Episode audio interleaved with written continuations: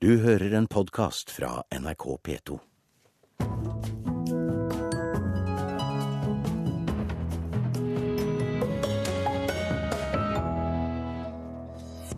Og dette svarte de. Åtte av ti arkitekter vil bevare Høyblokken i regjeringskvartalet. 3000 år gammel bronselur er gjenskapt. Vi hører lyden av den i dagens Kulturnytt. Nils Øyvind Haagensen er nominert til Nordisk råds litteraturpris for diktene sine. Nå har han skrevet en roman som glimter til innimellom, sier vår kritiker. Og vi spør Kristelig Folkeparti om kultur. Åtte av ti arkitekter vil altså bevare Høyblokken, selv om regjeringens ekspertutvalg har anbefalt riving. Det viser en undersøkelse NRK har gjort. Administrasjonsministeren mener arkitektene burde fokusere mer på sikkerhet, men for arkitektene er det arkitekturen og kulturhistorie som veier tyngst. Dette er verdt veldig mye for veldig mange mennesker, og ikke minst gjennom den symbolikken av at noen ville rive det ned. Så det er et viktig bygg på så uendelig mange plan.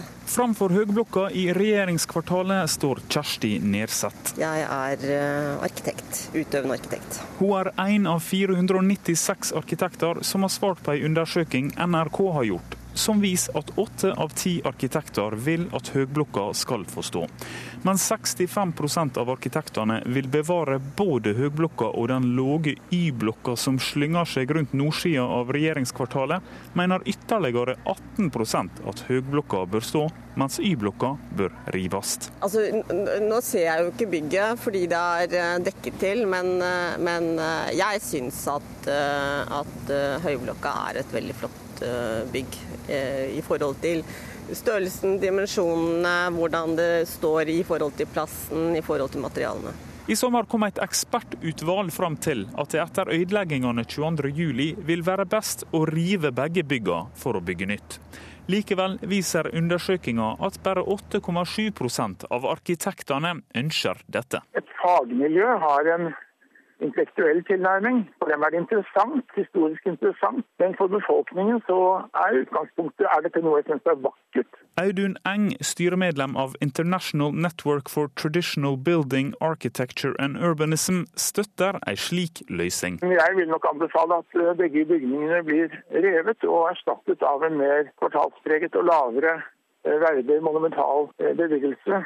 Viksjøs idé det er å forsøke å få en mer arkitektonisk enhet Planene for Y-blokka legges fram i et NRK-program fra 1964. 50 år etter Erling Viksjø satt sitt tydelige preg på Oslo, må administrasjonsminister Rigmor Aasrud lytte til motstridende visjoner for kvartalet. Jeg registrerer jo her at dette er ei gruppe som ønsker å bevare. I andre undersøkelser der eh, befolkningen spørres, så, spørres, så blir det jo litt andre resultater. Det hun fester seg ved, er grunngjevinga arkitektene gir. Ja, det er det. Og det som kanskje overrasker meg aller mest, er at uh, arkitekter har så lite fokus på sikkerhet. For mens vel 70% mener arkitektonisk kvalitet og kulturhistorisk verdi veier tyngst for deres syn i saka, er økonomi og sikkerhet det arkitektene i denne undersøkinga ser ut til å være minst opptatt av. Det er jo et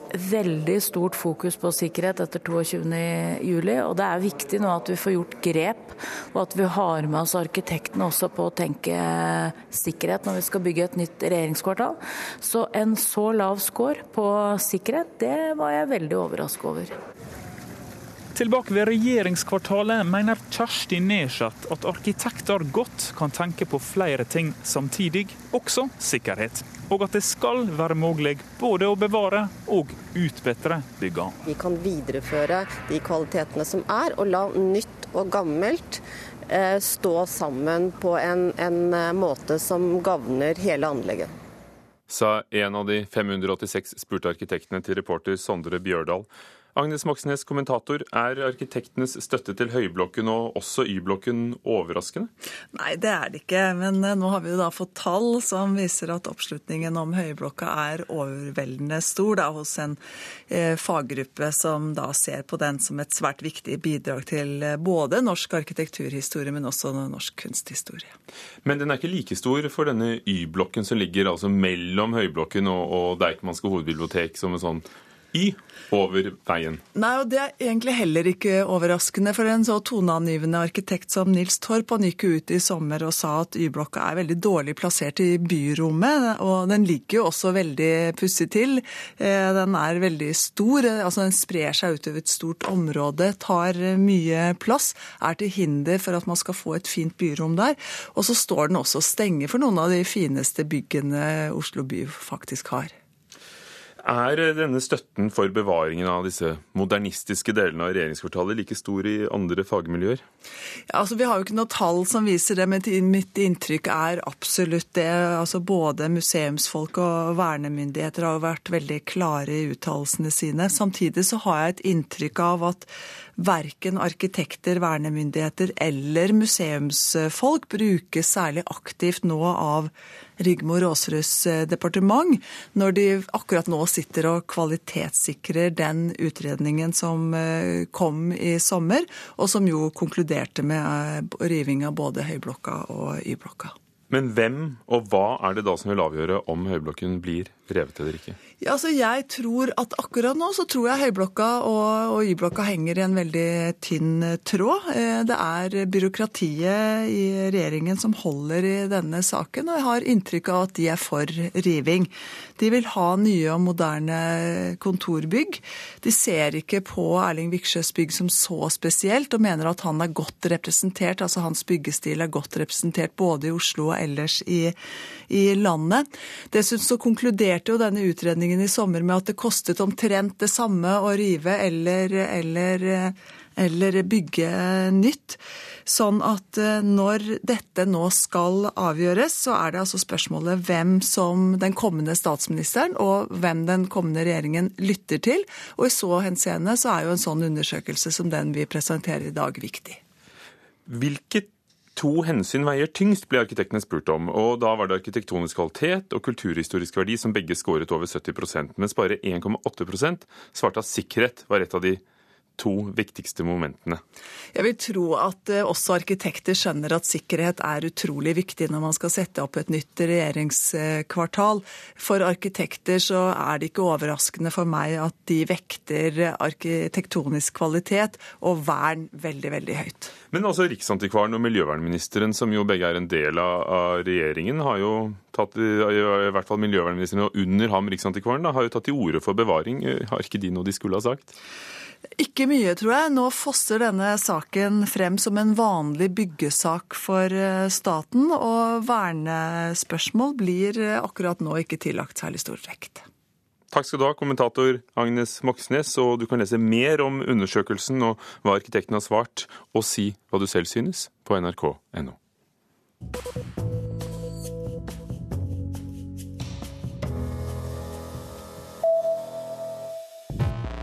Jeg fatter ikke hvorfor jenter blir med hjem sånne huleboere som bruker pikken sin som klubber. Det har blitt lurt, Kristian.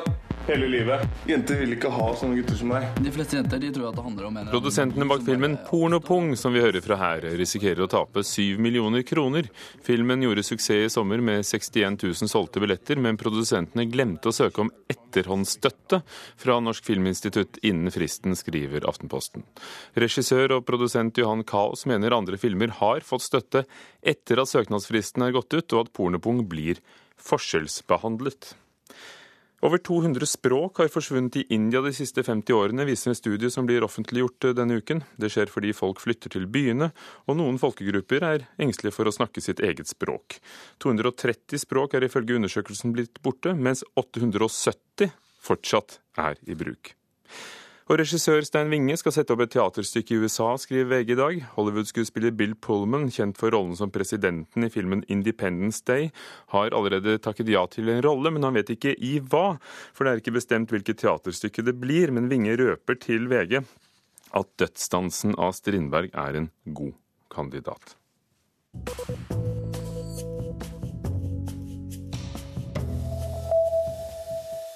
Ved hjelp av 3D-teknikk er en 3000 år gammel bronselur gjenskapt fra historiske bilder og modeller.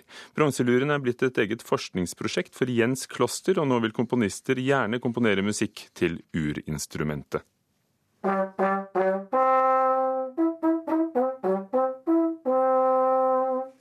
Det er skulpturer. Det er det, der har bygd oss som mennesker, som kulturpersonlighet. Etter mange års arbeid kan Jens Kloster endelig la en nærmere to meter lang bronselur kveile seg ut fra munnstykket og fylle rommet med historisk lyd.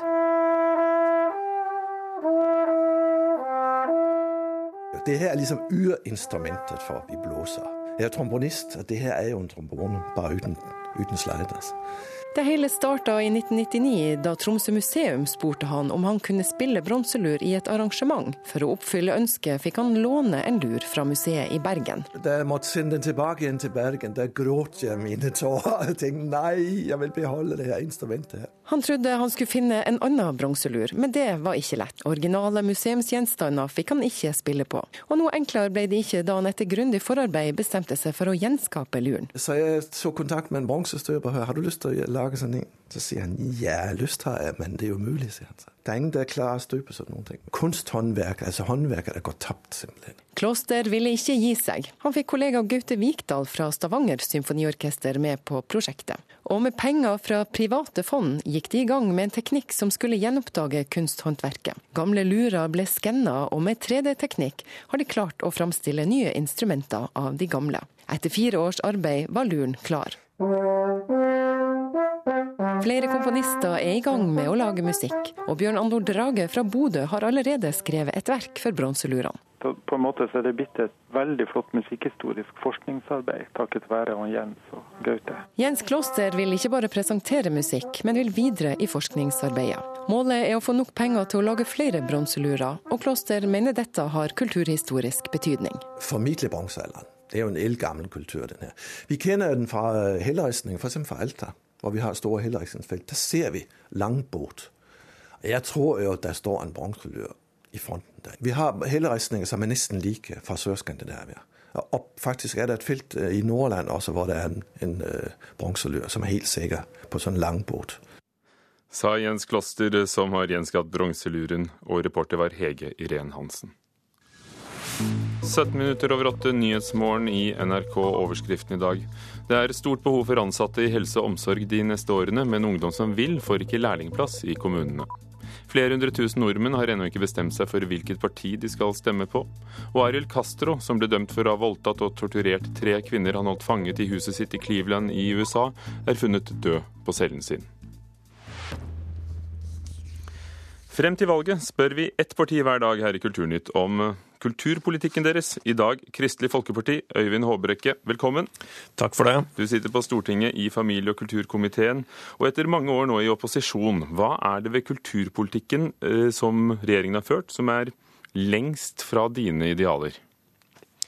Da vil jeg peke på to ting. For det første er det de prioriteringene man har gjort. fordi nå nærmer vi oss 10 milliarder statlige kulturkroner på statsbudsjettet. Og det har gått og går til mange gode formål.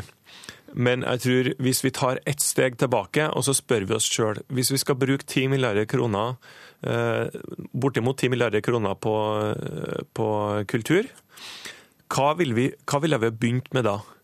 Og da tror jeg veldig mange ville gi et enkelt svar. Jo, vi må begynne med å gi unger og ungdom mulighet til å lære seg å spille og synge og danse og uttrykke seg sjøl gjennom kunst og kultur. I dag har vi ja, mange gode formål, men, men de brede arenaene der unger får mulighet til å uttrykke seg sjøl gjennom kulturskoler, gjennom kor, gjennom korps, har blitt nedprioritert. Og da har vi jo glemt av eh, selve grunnmuren i kulturpolitikken. Det andre er at jeg vil spre makt gjennom å åpne får flere finansieringskilder, sånn at kulturlivet ikke blir så ensidig eh, avhengig av staten. Det er jo noe vi har hørt borgerlige partier som Høyre og Venstre også si. Men når du nevner grunnmuren, så er det da nettopp det som er basis for regjeringens nye kulturløft, Kulturløft 3, som de, de lover å ha på trappene hvis de, de kommer til makten igjen. Det, det, er jo et ord som Anne Enge brukte da hun evaluerte de forrige kulturløftene. Ligner ikke det eh, Kulturløftet 3 veldig på det du snakket om nå? Nettopp eh, kulturskole, barn, kor? Altså hvis du tar eh, Enger-utvalget, som var en stor offentlig utredning som gikk gjennom kulturpolitikken og kom i vår, så er jo den nesten en kopi av KrF sine alternative statsbudsjett de siste årene. Og de har konstatert nøyaktig det samme som oss, at vi har mangla den grunnmuren av barn og unge og brede bevegelser, der vi lærer oss å uttrykke oss sjøl gjennom kunst og kultur. Men Kulturløftet 3 eh, vil jeg ikke gi den samme attesten. Altså Korfeltet er jo bare så vidt eh, nevnt, det er vel knapt nevnt i hele tatt. Eh, og Når det gjelder kulturskolene, så har jo regjeringa sagt at der skal de nå da endelig begynne å gjøre noe. Men hva er det de gjør da? Jo, de, i tråd med rød-grønn tenkning, så utvider de, gjør de det til en del av en slags skritt mot en heldagsskole. Putte inn en kulturskoletime i SFO eller skoledagen som egentlig ikke er kulturskole, det er et aktivitetstilbud en gang i uka for store grupper av unger. Kulturskole det er undervisning, oppfølging, hjemmelekser for at du faktisk skal lære deg å utvikle deg på et instrument eller i en kunstform. Så, så hva vil dere gjøre for jo, kulturskolen hvor titusener av barn står i kø? I dag er det nesten 30 000 unger som står i kø, og ingen av dem får hjelp gjennom den kulturskoletimen, får en plass gjennom den kulturskoletimen regjeringa eh, foreslår. Så vi tar eh, og bruker de pengene, sånn som vi gjorde da i vårt budsjett for i år. Så tok vi de samme pengene, så gir vi dem til øremerker vi dem til kulturskolene, for at kulturskolene skal bruke det på den måten de ønsker. Vil de ha en kulturskoletime fordi de ikke har ventelister, kan de gjøre det. Og vil de bruke pengene på ordinær kulturskolevirksomhet for å styrke kvaliteten og for å gi alle ungene som står i kø, et tilbud, så skal de få lov til å gjøre det. For da blir det reell kulturskole ut av midlene, og ikke aktivitetstilbud i SFO. Men hvis dere skal øremerke penger, så blir det da mer statlig og sentral styring? For det er jo spørsmålet, hva kan dere gjøre i regjering med dette som er kommunenes felt, nemlig kulturskoler og bibliotek? Ja, For kulturskolene så ble jo de øremerka bevilgningene avvikla for en god del år siden. og Den gangen sa vi at må vi, nå må vi følge med utviklinga, om det blir behov for å gjeninnføre den øremerkinga. Og Det ser vi at det er nok et behov for, fordi vi har nasjonale ambisjoner for kulturskolen. Det er en av grunnelementene i en god kulturpolitikk. og Der er det tøft for kommunene å klare å prioritere det i dag. Så vi ønsker ei øremerking av kulturskolene. På bibliotekfeltet så tror jeg det handler mye bl.a. om kompetanse og, og, uh, i, i, bibliotekene. Og legge til rette for at vi kan ha kompetente, uh, aktive bibliotek som kan blomstre hele landet. Og Det tror jeg nok vi må ha en dialog med kommunene om hvordan vi best gjør det. Uh, men der ser det ut som det er bred enighet nå om at vi trenger satsing. Øyvind Håbrekke, Kristelig Folkeparti kom ut i en undersøkelse vi hadde i forrige uke, som viktig for kultur. Altså kultur, Kulturen er viktig for dine velgere. Men samtidig så var det veldig få kunstnere og kulturledere som stemmer på dere. Hvordan kan det ha seg? Jeg, tror, jeg opplever at vi har ganske eh, god oppslutning òg i norsk kulturliv. Jeg tror vi er litt i hvert fall Av de undersøkelsene jeg har sett, så er vi litt underrepresentert i det profesjonelle kulturlivet, mens vi kanskje har eh, vel, Vi har mye bedre representasjon og kanskje overrepresentert i den mer frivillige, brede delen av eh, kulturlivet. Vi fått veldig mye gode tilbakemeldinger på at vi har virkelig foreslått et løft for korbevegelsen i Norge. Jeg skulle til å si det, fordi kor har vært en hjertesak for dere lenge. Hvordan tenker du deg et slikt løft? Hva vil det bety? Jo, korbevegelsen er den nest største folkebevegelsen i Norge i norsk kulturliv, utenom idretten. Og det er klart at eh, ser man på hva de får i statsbudsjettet, så er det, så er det knapt promiller en gang vi snakker om. Og Det er jo et stort eh, paradoks. Det vil bety at vi i Norge skal satse på å utvikle dirigenter. Vi har jo en unik kor- og korpstradisjon i Norge, men gjør nesten ingenting på dirigentutvikling. Det er jo et stort paradoks. Det betyr at det blir aktivitetsmidler eh, for, og etableringsstøtte for kor. Det betyr jo at vi satser på det profesjonelle nivået gjennom at vi får et profesjonelt kor i Norge. og det det betyr rett og slett at støtten til kor på statsbudsjettet mangedobles, fordi det er et felt som rett og slett har blitt uteglemt i norsk kulturpolitikk. Øyvind Håbrekke på Stortinget for Kristelig Folkeparti, takk for at du kom til vår utspørring her i Kulturnytt.